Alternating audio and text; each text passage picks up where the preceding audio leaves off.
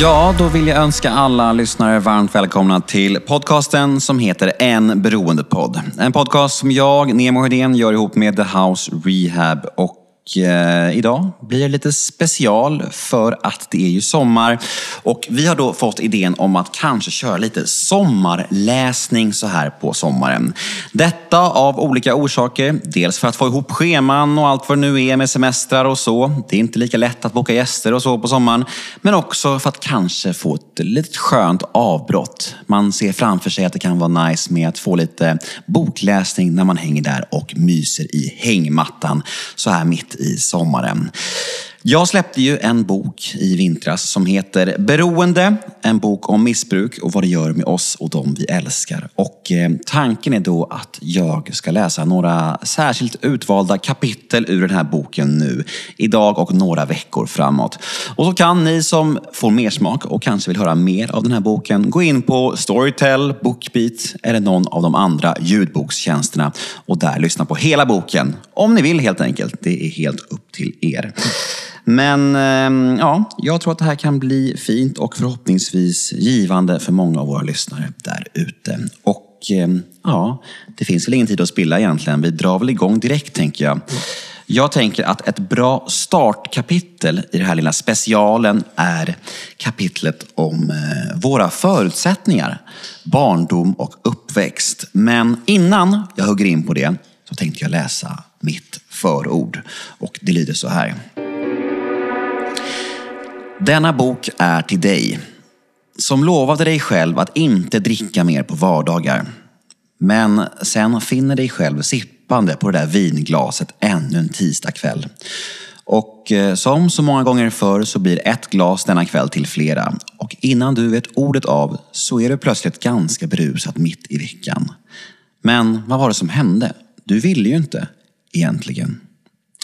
Denna bok är till dig som med full övertygelse basunerade ut att du skulle ha en vit månad.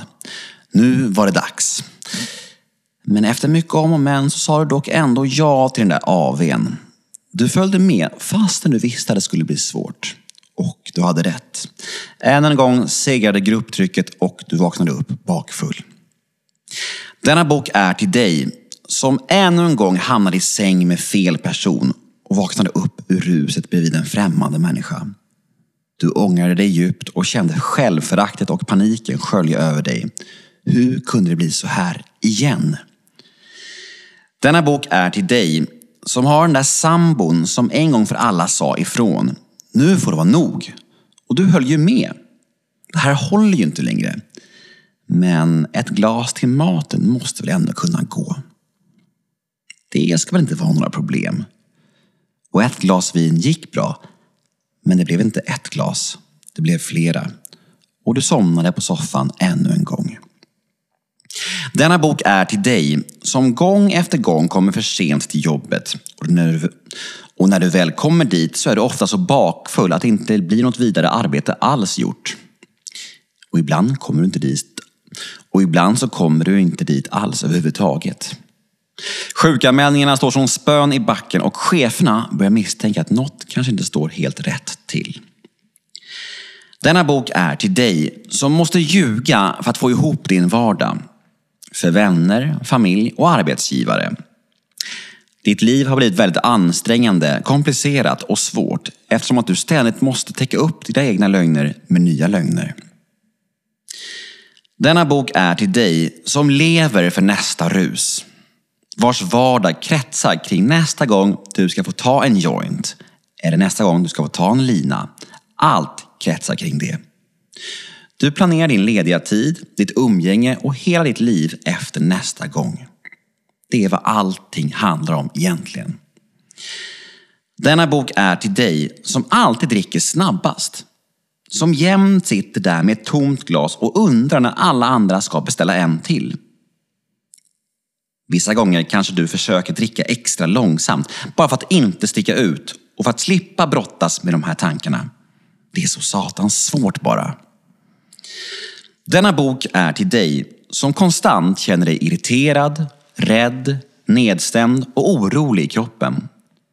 Du ältar och du oroar dig. Du har svårt att vara i nuet. Och det enda som egentligen fungerar är när du ska få dig ett rus. Då blir det paus i hjärnan. Då får du lite lugn och ro i skallen. Om än bara för ett ögonblick. Denna bok är till dig som lovade dig själv att inte ta mer droger.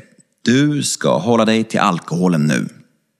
Men som så många gånger förr så utspelade sig exakt samma scenario på krogen. Efter några öl så tar drogsuget över hela ditt system och det blir cirkus igen. Denna bok är till dig som blivit nykter men fortfarande mår dåligt. Du känner tomhet, ensamhet och meningslöshet.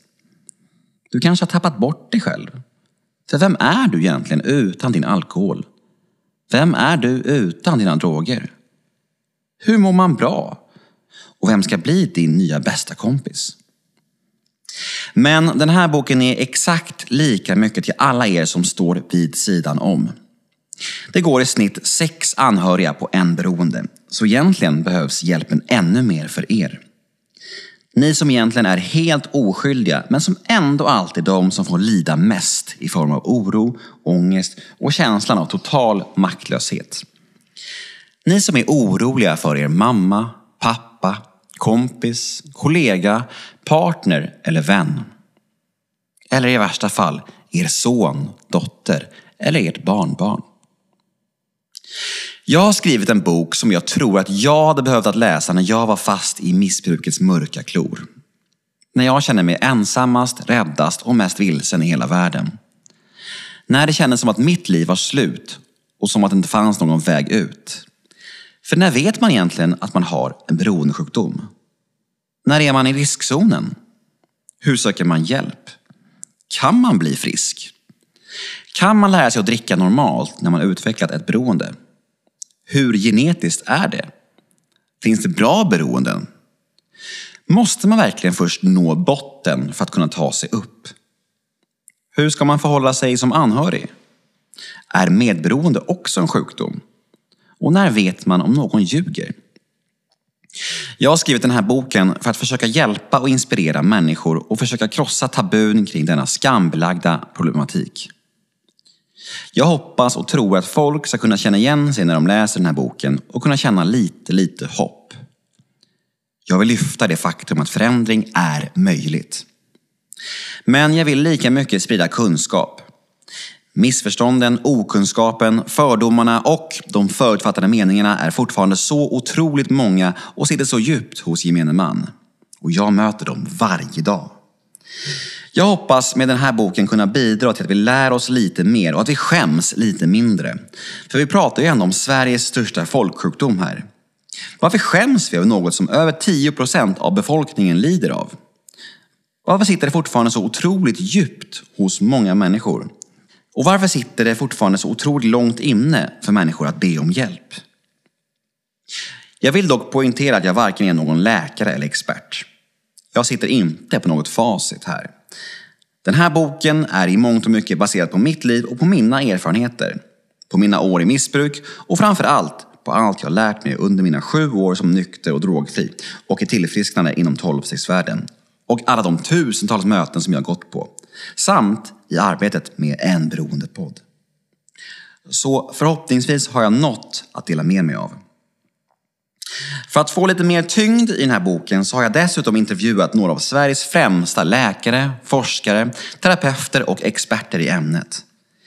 Mitt mål är att mina historier ska bidra till identifikation och igenkänning för er läsare. Medan experterna står för kunskap och den professionella synen på den här komplexa problematiken. Slutligen bör det nämnas att jag är en tolvstegskille. Men jag vill poängtera att tolvstegsprogrammet inte på något sätt har monopol eller egenrätt på tillfrisknande ur missbruk. Men det är där som jag har tillfrisknat, så den här boken är i mångt och mycket skriven ur ett tolvstegsperspektiv. Men jag anser att alla vägar som fungerar är fantastiska. Det finns hopp. Nemo Hedén, september 2022. Kapitel nummer två. Våra förutsättningar, barndom och uppväxt. Min pappa, en alkoholist och narkoman. Nykter och drogfri sedan över 15 år. Min mamma, En sex och kärleksberoende som dessutom kämpat med socker och matberoende. Fyra missbruk på två föräldrar. När jag har föreläst genom åren så brukar jag skoja om att oddsen för mig att bli normal med sådana här förutsättningar var ganska taskiga. Och även om det alltid drar ner skratt i lokalen så finns det definitivt en viss underliggande sanning i de orden.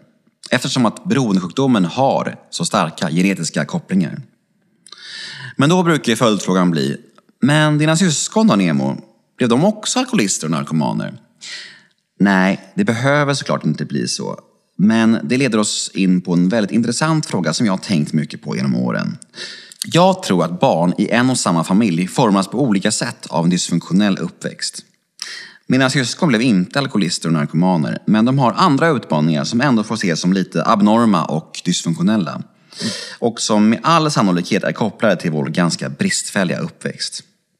Man märker tydligt att alla vi syskon har påverkats, om än på olika sätt.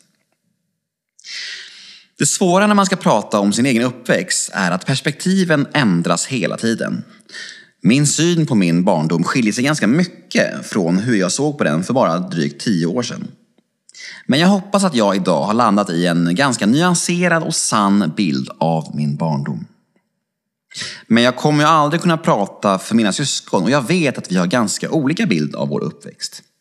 Till exempel så hade min pappa blivit nykter när mina småsyskon var små. Så de behövde ju inte uppleva hans missbruk på samma sätt som jag och mina äldre syskon fick göra. Mina småsyskon fick ju den här kompenserande, nynyktra pappan som ville gottgöra för allt som hade hänt. Och det har givetvis skapat en del sorg och bitterhet och avundsjuka från min sida. Dels för att de fick så mycket som jag inte fick. Dels för att de inte har kunnat relatera till hur vi äldre syskon hade det. Men det är intressant hur ens perspektiv kan förändras med åren. När man är yngre så är det som att man går runt och idoliserar sina föräldrar. De är ju felfria. De är ju facit. Förebilderna, gudarna, oavsett hur det ser ut hemma. Och det beror väl ganska mycket på att man inte har något annat att jämföra med egentligen. Man är ju så formad av sin egen tillvaro att man inte ifrågasätter någonting. Men också för att det ligger i ens natur att se upp till sina föräldrar och anta att de gör allting rätt. Men förr eller senare så kommer revolten. Ofta i tonåren, puberteten eller i det tidiga vuxenlivet. Kanske kommer det för att man börjar tänka på hur andra kompisar har det hemma hos sig. Eller för att man kanske har hört i skolan eller från andra vuxna hur det kan eller ska vara i hemförhållanden. Eller kanske börjar man bara undra varför man mår som man gör. Oavsett hur den uppstår så kommer den. Den där nödvändiga, rebelliska perioden då man börjar ifrågasätta och kritisera sina föräldrar. Då ens ögon öppnas på riktigt för första gången och ens föräldrar obönhörligen faller ner från pedestalen. Om du har haft en trygg och bra uppväxt med alla dina behov uppfyllda så kanske den här händelsen inte blir särskilt dramatisk. Men för oss andra som kommer från lite mer dysfunktionella förhållanden så kan den bli väldigt omvälvande och kraftfull. Man ifrågasätter precis allt. Hela uppväxten och allt som har varit jobbigt beror nu på ens föräldrar. Allt skit som har hänt i ens vuxna liv. Men så småningom mynnar det ut i en lite mer nyanserad bild. En insikt om att ens barndom kanske inte var helt bra. Det fanns mycket brister, men det fanns också fina saker. Mina föräldrar gjorde så gott de kunde utifrån sina förutsättningar. De hade ju sitt bagage att tampas med såklart, sina issues och sina trauman. Och i sin tur så hade de föräldrar som gjorde så gott de kunde utifrån sina förutsättningar och så vidare och så vidare. Och jag tror inte någon förälder vill skada sina barn med flit. Det har jag väldigt svårt att tro. Problemet är bara att det oftast är det negativa som man minns när det kommer till ens barndom. Och jag tror att det beror på att det är oftast det man blir påmind om. Om jag till exempel reagerar onormalt starkt på en separation i mitt vuxna liv så kan jag ganska lätt koppla det till mina övergivenhetstrauman från min barndom. Eller om jag på Instagram ser att mina bröder äter lunch i närheten av mig och där jag bor, så kan jag lätt koppla det till mina känslor från barndomen om att jag inte får vara med, eller att jag ofta känner mig bortglömd. Eller om jag blir lite för intensiv och exalterad i ett möte med en vän och någon säger åt mig att jag ska lugna ner mig. Då gör det så ont i mig. Men varför gör det ont? Jo, för att jag hela min barndom fick höra att jag skulle lugna ner mig. Att jag var för mycket. För intensiv. Det är alltså inte själva händelsen i sig som gör ont, utan vad den väcker inom mig. Vilka trauman som triggas. Och för att förstå allt detta lite mer och lite bättre så tänkte jag att vi skulle ta en promenad nedför Memory Lane. Jag föddes som barn nummer fyra i en sexbarnsfamilj på Södermalm i Stockholm. Vi var alltså en familj med många barn och vi klädde oss färgglatt och vi gick på bidrag och hade trasiga kläder och det var verkligen lite flower power över hela vår familj. Pappa var musiker och mamma hade något slags luddigt frilansjournalistjobb. Men i huvudsak så var hon ju främst mamma. Ja, ni hör ju själva. Som en stereotyp av hur en bohemisk vänsterfamilj kunde se ut på Södermalm på den här tiden. Pappas musikaliska karriär blommade i många år. Först spelade han klaviatur och dragspel med Stefan Sundström och Apache och därefter i Weeping Willows som han var med och startade. Han var ofta ute på turné eller i replokalen, så mamma fick bära ett tungt last där hemma. Och när pappa väl var hemma så var han oftast trött och behövde sova. Han var lekfull och fin i perioder vill jag verkligen minnas. Han försökte ge oss kärlek, när han orkade. Men tyvärr så är minnena av att han ofta var trött det som sticker ut främst från min barndom. Mina tydligaste minnen från min mamma var att hon ofta var hysterisk. Hon var så arg på min pappa. Sen kändes det som att jag och min mamma inte fick så mycket tid ihop som vi hade behövt. Det kändes som att hon valde ut några av syskonen att fokusera på. Som till exempel min syster som gillade att vara i stallet. Och där hade de ett gemensamt intresse. Alltså var de i stallet mycket ihop, min mamma och min syster. Jag tror att min mamma tänkte att det var bättre att ge några barn mycket än att ge alla lite. Och det låter ju kanske som ett konstigt resonemang, men det var känslan i mig. Och tyvärr så var jag ett av de syskon som fick väldigt lite. Ja, det är faktiskt en övergripande känsla när jag ser tillbaka på min barndom. Att jag inte fick det jag behövde av någon av mina föräldrar. Jag hade behövt att bli mer hörd, sedd, uppskattad och uppmuntrad. Bekräftad helt enkelt. Men istället så kände jag mig ofta väldigt bortglömd. Och det här inre tomrummet, den andliga bristen som vi snackar om i tolvstegsprogrammet, uppstod tidigt inom mig. Faktum är att det är ett av mina första minnen i livet, att jag kände att något saknades inom mig. En pusselbit. Någon slags inneboende trygghet och stabilitet. En självkänsla helt enkelt. Och det här gjorde att jag väldigt tidigt började söka utanför mig själv för att få kärlek, uppmärksamhet och bekräftelse. För att få känna lite lugn inombords. Alltså blev bekräftelse från mina klasskamrater min första drog. Och det kan jag se väldigt tydligt idag. Första gången det här uppstod var så extremt kraftfull. Som varje drog är. Vi var på ett museum i skolan med klassen och en blind man med käpp gick förbi. Och jag kände rent instinktivt att jag måste dansa framför den här blinda mannen. Eftersom att det garanterat skulle få kompisarna att skratta åt mig. Sagt och gjort. Jag slängde mig framför den blinda mannen och dansade några steg och klassens förtjusning visste inga gränser. Kompisarna vred sig av skratt, men när lärarna såg det så blev de vansinniga. Men jag brydde mig inte. Känslan när klasskamraterna skrattade och bekräftade mig var så mycket starkare. Jag kände mig lugn, trygg och sedd. Det gav mig en känsla av uppskattning och tillhörighet. En smått euforisk känsla av att jag fick vara med. Det var en tydlig försmak av något jag definitivt ville ha mer av. Som varje första rus är för en beroende person.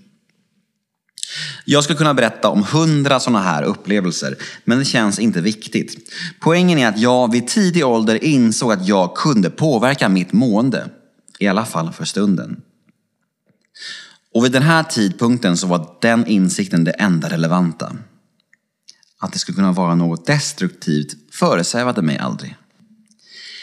Jakten på att få må bra och på att finna ett inre lugn blev mitt liv. Bekräftelse, alkohol, droger, sex socker and the list goes on. När jag hittade alkohol så var det ett fantastiskt botemedel mot det inre tomrummet. När jag hittade sex så var det också otroligt. Men drogerna blev det absolut starkaste bedövningsmedlet.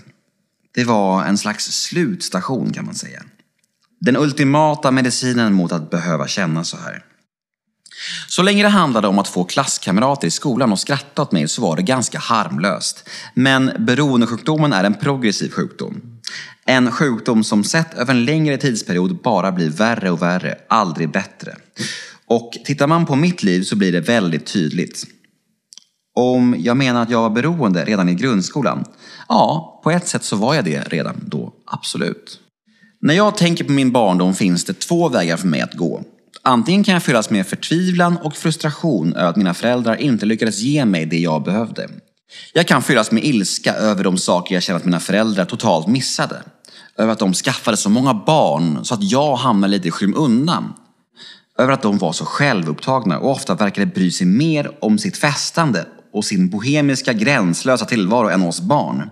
Jag vill skuldbelägga dem för mina misslyckanden. För min egen gränslöshet och för att mitt liv gick som det gick.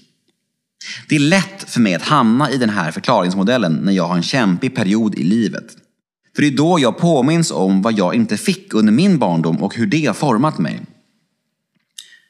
Det går inte att komma ifrån att det är väldigt bekvämt att skylla alla sina tillkortakommanden på sina föräldrar och på sin historia. Det blir som att frånsäga sig allt ansvar och det kan ju vara otroligt skönt. Tro mig, jag har svart bälte i det här och det hade jag under många, många år. Och jag kan fortfarande trampa ner i det svarta, mörka hålet av självömkan som det här är. Men det finns en annan väg att välja. Det finns en annan väg att gå. Och det var egentligen först när jag blev nykter och drogfri som jag förstod att jag har ett ansvar för mitt liv. Oavsett hur min historia har sett ut eller vilka förutsättningar som jag föddes med. Jag kan bestämma själv och behöver inte vara en slav under det som har hänt mig. Det enda som hände när jag skyllde mina misslyckanden på mina föräldrar och min uppväxt var att jag sjönk djupare och djupare ner i kvicksanden. Livet pågick runt omkring mig och alla andra rörde sig framåt medan jag själv bara trampade och klagade och gnällde och tyckte synd om mig själv. Allt pågick i en nedåtgående spiral. Ingenting konstruktivt hände och allra minst för mig själv. Jag var ju så fullt upptagen med att skylla mitt fiaskoliv på mina föräldrar och jag blev ensammare, argare och mer frustrerad hela tiden. Allt var ju alla andras fel. Men missförstå mig inte. Uppväxten kan absolut vara en del av förklaringen till varför man har svårigheter i vuxen ålder. Det är klart att man påverkas och formas extremt mycket av sin barndom. Men det får aldrig bli en ursäkt för att inte jobba med sig själv och försöka ta sig framåt. Även om du anser dig vara en biprodukt av dina föräldrars misslyckanden så förändras allt dagen du fyller 18 år. Då blir du vuxen och har därmed ett eget ansvar att ta tag i de här prylarna och jobba med dig själv. När du fyller 18 så förlorar du helt din rätt att skylla på dina föräldrar. Men för mig tog det dock tio år till innan den poletten föll ner. Och jag tror att mitt missbruk bromsade upp den processen. Vi tar det igen. Mina föräldrar gjorde garanterat så gott de kunde utifrån sina förutsättningar. Herregud vad jag har kräkts på den meningen genom åren. Jag har avskytt de orden. För även om de stämmer, vad hjälper det mig idag? När jag ännu en gång inte kan leva upp till den personen jag vill vara på grund av något trauma eller mönster som ligger där och skaver.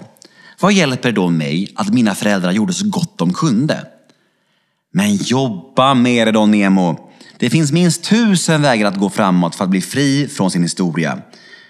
Det finns garanterat många människor som tar skada av att man väljer att leva i det förflutna och inte jobba med sig själv. Men vet du vem som tar mest skada av det? Du själv. Och i mitt fall skulle det till många års nykterhet, tolvstegsprogram och terapi för att förstå det här. Men med det sagt så finns det fortfarande situationer då jag kan falla tillbaka i sorg och smärta över vissa händelser i och konsekvenserna av min barndom. Relationen till mina föräldrar idag är på det stora hela ganska bra. Jag är väldigt tacksam över att de är nyktra och väldigt fina med mina barn. Men relationen är dock ganska skör till dem båda. Det finns händelser som triggar det gamla inom mig, både med min pappa och med min mamma. Men idag så har jag ofta möjlighet att ta ett steg tillbaka och tänka, okej, okay, vad triggar det här i mig? Varför reagerar jag så här? Istället för att gå in i affekt och agera på första bästa känsla som dyker upp. Och det ni hörde nyss var alltså min take på min barndom och min uppväxt. Och eh, det är så den här boken är uppbyggd. Att jag först berättar mina erfarenheter av ett ämne som ligger kring beroende och medberoende. Och sen så plockar jag in en expert eller eh, någon slags kunnig profil i det ämnet som får svara på mina frågor. Och sen så kommer en liten reflektion utifrån de här svaren. Så eh, första experten som jag har med mig är Sandra Ekroth och hon jobbar jobbar ju här på The House Rehab, så det var väl en lämplig start kan jag tycka. Då kör vi! Nemo möter en expert, Sandra Ekroth. Sandra Ekroth jobbar på The House Rehab som behandlingsansvarig med särskilt ansvar för medberoende. Och när hon gästade en beroendepåg tidigare så fick jag verkligen en käftsmäll och självklart vill jag prata med henne igen. Hon har gjort ett gediget arbete med sin egen barndom och det hörde man ju om inte annat när hon gästade den här podden. Och eh, hon berättade då hur man kan läka från sitt förflutna och sen göra något fint av det. Sandra är väldigt klok och kunnig och jordnära och eftersom att hon eh, även tillfrisknat så himla fint själv så kändes hon som klippt och skuren för att svara på mina frågor om barndom och uppväxt. Hur påverkar det en människa att leva upp med missbruk omkring sig? Typ av forskning att barn som växer upp i en dysfunktionell familj påverkas negativt. Dysfunktionella mönster i en familj kan skapas av att en förälder är allvarligt sjuk under en längre period, missbruk, psykisk ohälsa, känslomässig frånvaro, avsaknaden av en förälder, våld med mera. I dessa familjer så finns inte den grundläggande stabiliteten eftersom att det sker förändringar hela tiden. Familjen blir påverkad av missbrukaren de runt omkring börjar anpassa sig efter de destruktiva beteendena personen visar och olika svårigheter kan då uppstå för barnet. Vanligtvis handlar det om ökad oro, stress, anknytningsproblematik, ångest, orimligt ansvarstagande, varpå barnet utvecklar beteenden för att kunna förhålla sig till sin omgivning. Dessa beteenden kallas inom behandlingsvärlden för överlevnadsstrategier, copingstrategier eller karaktärsdefekter. Vilka mönster är vanligast? I den dysfunktionella miljön är det vanligt att barnet anpassar sig, tar på sig olika roller för att kunna förhålla sig och hantera sin livssituation på bästa möjliga sätt. Dessa beteendemönster är clownen, hjälten, tapetblomman och syndabocken. Clownen Barnet tar på sig en humoristisk roll för att lätta upp stämningen och använder det här beteendet för att kunna hantera problematiska situationer och dölja sina känslor. Dessa barn anses ofta utåt sett vara glada, aktiva, charmiga och fulla av energi. Hjälten.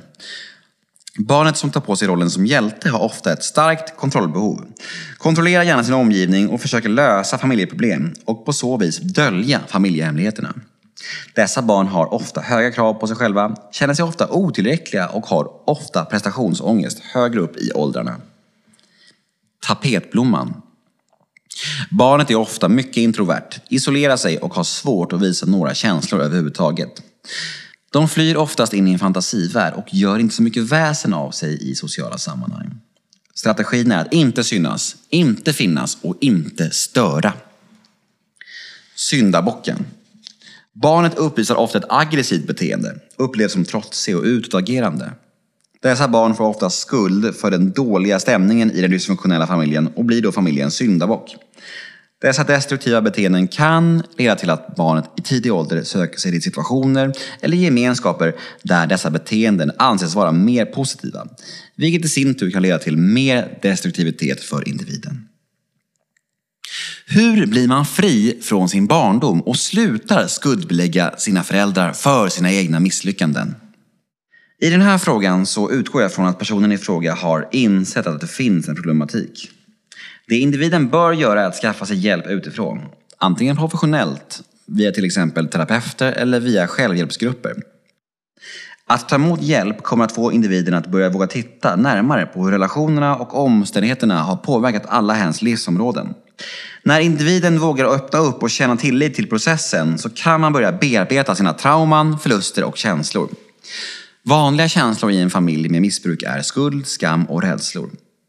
Väl där kommer ens egna sanning att modifieras genom förståelse och acceptans gentemot sig själv och andra.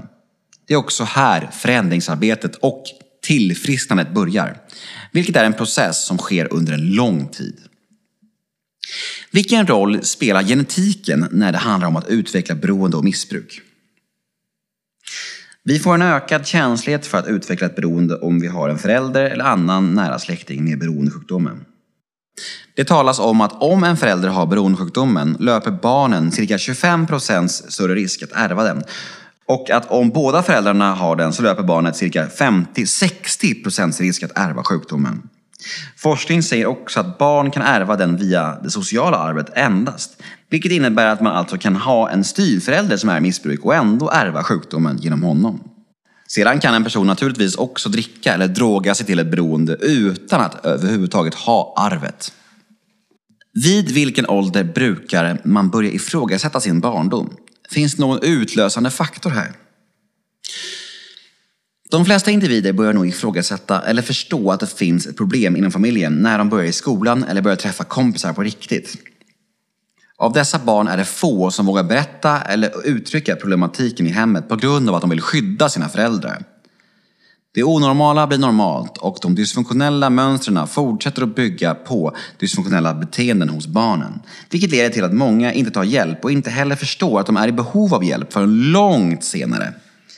De allra flesta som jag har stött på i mitt yrke har börjat ifrågasätta sitt eget liv när de själva fått barn eller om ett direkt problem har uppstått i deras egna mående. Är det skadligt för barn att vara med fulla människor eller blir det bara skadligt om personen har ett problem? Jag menar att det inte är skadligt att ha med sig barn på festligheter. Men med det sagt så är det viktigt att förstå att inga barn tycker att det är bekvämt att vara omgivna av fulla människor. Här handlar det enbart om hur den egna vuxna individen agerar och hanterar situationen. I de allra flesta familjer finns det sunda vuxna kring barnet. De läser av sina barn, sin omgivning och tar sedan beslut efter det. Vad tror du är viktigast att tänka på som förälder om man själv är uppvuxen i en dysfunktionell miljö? I mitt eget tillfrisknande så har jag lärt mig så mycket. Jag har gjort alla fel som man kan göra. Projicerat mina egna rädslor på barnen, varit överdrivet beskyddande, varit gränslös när det gäller känslor och att sätta gränser. Detta kan ske när man som förälder är otrygg och inte har jobbat med sin egen historia och hittat en inre trygghet. Idag gör jag fortfarande fel, men har verktyg som hjälper mig att stå kvar och ta mitt ansvar som förälder. Idag vågar jag möta frågor utan att gå i försvar. Jag kan trösta mitt barn utan att själv bli ledsen. Inte ta saker personligt och jag vågar vara närvarande känslomässigt. Om du själv har haft problem så är det viktigt att prata med barnet på ett sunt sätt gällande ditt beroende och att vid rätt tillfälle ge dem informationen om att den ökade känsligheten som finns med genetiken. Dela med dig av din historia och glöm inte bort att berätta om tillfrisknandet och förändringsprocessen. Detta är viktigt för att ingjuta hopp och påvisa om att allt är möjligt. Kan man ge vidare något man själv inte har fått? Mm, när man växer upp i en dysfunktionell familj så är det många farhågor och beteenden som inte har blivit tillgodosedda hos det lilla barnet. Barnet som växer upp saknar ofta dessa förmågor känslomässigt och beteendemässigt. Har du inte förmågan kan du heller inte föra den vidare till någon annan. Du vet ju inte det bättre helt enkelt. Det är viktigt att förstå att du kan förvärva nya förmågor genom att arbeta med dig själv. Jag tycker att eh, Sandra hade väldigt kloka svar i eh, det här ämnet. Och innan vi tar del av min reflektion utifrån de här svaren så eh, kör vi lite The House svarar, tycker jag. Då ska vi köra The House svarar och jag har fått sällskap av Alicia och Anna från The House Rehab. Och ja, varmt välkomna hit tjejer. Tack så mycket. Tack, tack. Är ni redo att sprida visdom ut i stugorna? Yes. Mm, vi kör. Det finns ingen tid att spilla här inte. Kör på. Lyssnarfrågan lyder så här. Tack för en fin podd. Jag vill så gärna gå på mitt första tolvstegsmöte. Jag vet att jag behöver det, men jag känner sånt starkt motstånd just på grund av det som jag uppfattat som religiöst. Kan inte ni säga några peppande ord som kan få mig att ta steget? Eh, ja, det här var ju jag en gång i tiden, eh, kände jag. Eh, jag ville ju verkligen inte börja gå på tolvstegsmöten på grund av just folk pratar om Gud. Jag tyckte att det var religiöst. Det tog mig ett tag tills jag verkligen jag orkade. Jag hade testat det mesta. Så jag ville villig att testa det där med. Och där var jag. Och, lägga alla de för, här, fördomarna åt sidan. Um, för det handlar ju verkligen inte om religion i tolvstegsmöten. Det är också en fördom folk har. Det handlar inte alls om det. Utan man får tro på vad fan man vill, rent ut sagt. Ja, exakt. Och eh, som med allt annat så skulle jag vilja säga till, de här, till den person som skriver att eh, gör först och utvärdera sen. Mm. Eh, för hemma på kammaren så, så är det svårt att, att liksom, Eh, och mycket kan förklaras, men just ett tolvstegsmöte tror jag behöver upplevas. Så samla mod, trots att det känns läskigt, och gå dit. Mm. För det är faktiskt så att det är ju ingen som tvingar en att vara kvar om man går dit och känner att... Oh. Nej, precis. Mm. Så ja, det är väl kloka råd. Gå, gå och testa det nu så, och öppna dina sinnen och lyssna på alla fantastiska människor som mm. lyssnar på oss där inne. Mm. Ja, och som Alicia sa, tolvstegsmöten, det talas om Gud, alltså det ordet används, men det är inte bundet till någon religion överhuvudtaget. Nej, Man pratar om att det är ett andligt program och det innebär att du behöver ha en tro på någonting. Och vad den tron innebär, det är ju helt upp Mm. Mm. Mm. Och det blir ju ganska logiskt när man tänker på vart har min egen vilja och mitt sätt tagit mig hittills. Mm. Det har tagit mig till missbruk. Okej, okay, jag kanske behöver någon slags nytt sätt att tänka. Liksom. Exakt. Mm. Ja, jag hoppas det räcker som peppande ord för dig som ställer frågan. Ja, det lycka gjorde, till. Det gjorde mig jättepeppad att gå på möte i alla fall. mig också. kör vi. ja. Och om man vill kontakta er på The House Rehab, hur gör man då? Då går du att mejla till sandra at thehouserehab.com. Eller till alicia at thehouserehab.com. Eller? Eller så hittar man vårt telefonnummer på hemsidan, så är det bara att ringa. Perfekt. Ja. Tack för idag. Tack, tack. tack. Mm. Tack till dig som hade din kloka lyssnarfråga den här veckan. Hoppas du är nöjd med ditt svar. Ja, jag sitter här och läser lite bok här och nu ska vi hugga tag i reflektionen i det här kapitlet.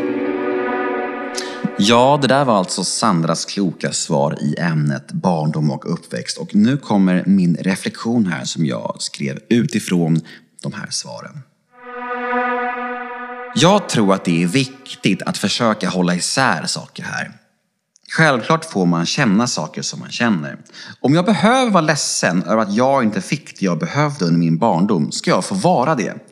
Men om jag fastnar i bitterhet så blir det en helt annan sak då kommer jag ingenstans. Och när man väl blir vuxen så ändras ju spelplanen. Jag kan inte straffa mina föräldrar för min barndom längre. Och nyckelordet här tror jag är acceptans. Men det tog tid och mycket terapi för mig att hamna här. Att inse att det är orealistiskt att förvänta sig att ens föräldrar är och ska vara perfekta. För alla människor gör ju fel hela tiden. Men jag tyckte att jag förtjänade perfekta och felfria föräldrar som aldrig skulle göra ett enda misstag till. Inte ens komma fem minuter sent till en lunch. För då sköljde ju hela min barndom över mig och jag kände mig bortprioriterad och mindre värd. Men då sa en klok terapeut till mig, Nemo, du måste nog ta ett aktivt beslut här. Antingen så har du en relation med dina föräldrar och accepterar dem för vilka de är. Människor med fel och brister och kanske viktigast av allt, att du varken kan förändra dem eller er historia. Du måste släppa dina förväntningar på att de ska vara exakt så som du vill att de ska vara. Eller så bryter du med dem helt om du känner att du blir besviken för ofta. Eller om du känner att er relation gör för ont för dig. Men det här mellantinget som du sysslar med just nu, det fungerar inte. Det kommer bara skada dig och er relation. Då förstod jag. Och idag så har jag faktiskt en ganska bra och fungerande relation till båda mina föräldrar. Och jag tror dessutom att förståelsen och ödmjukheten inför mina föräldrars kamp under min uppväxt är något som har växt fram, inte bara i nykterheten och tillfrisknandet, utan också sedan jag själv fick barn. Jag har bara två barn, men det kan vara nog så tufft ibland. Vad jag dock har fått med mig från min barndom är en sorts mall på hur jag vill vara som förälder. Vad vill jag ta med mig från min barndom och vad vill jag göra annorlunda? Detta var något som jag såg som väldigt fint och värdefullt. Och det skulle ju i sin tur göra mig till den perfekta föräldern. Vilken grej! Men det har i praktiken visat sig vara mycket svårare att leva upp till än vad jag trodde. Dels på grund av att det är väldigt svårt att vara förälder. Och dels på grund av att det känns som att jag är konstruerad och formad på ett visst sätt av min barndom. Och att dessa mönster sitter så otroligt djupt i mig. Så jag måste därför träna på att gå emot mina naturliga instinkter. Det är svårt, men det går. I alla fall när jag är i balans och när jag är i konstant medvetenhet. Och även om mina barn, till skillnad från mig, får en nykter och drogfri uppväxt, vilket jag är väldigt stolt över, så kommer de säkerligen att få sina egna trauman. Trauman som de kanske skriver böcker om i framtiden. Vem vet? Ja, det där var alltså de två första kapitlen i min bok. Ni fick höra förordet och ni fick höra kapitlet om våra förutsättningar, barndom och uppväxt. Och ehm, ja, hoppas ni uppskattar det här lilla greppet som vi kör nu under sommaren. Här några avsnitt. Vill ni oss något så finns vi på Instagram. Där heter vi kort och gott en beroendepodd och dit kan ni skicka all möjlig feedback på podden. Ni kan önska gäster, teman eller vad som helst. Och hör gärna av er om vad ni tycker om det här lilla specialgreppet som vi kör under sommaren. Nästa vecka så kör vi ett nytt kapitel och eh, ja, jag hoppas vi hörs då. Var rädda om er så länge så eh, hörs vi. Kram. Hej!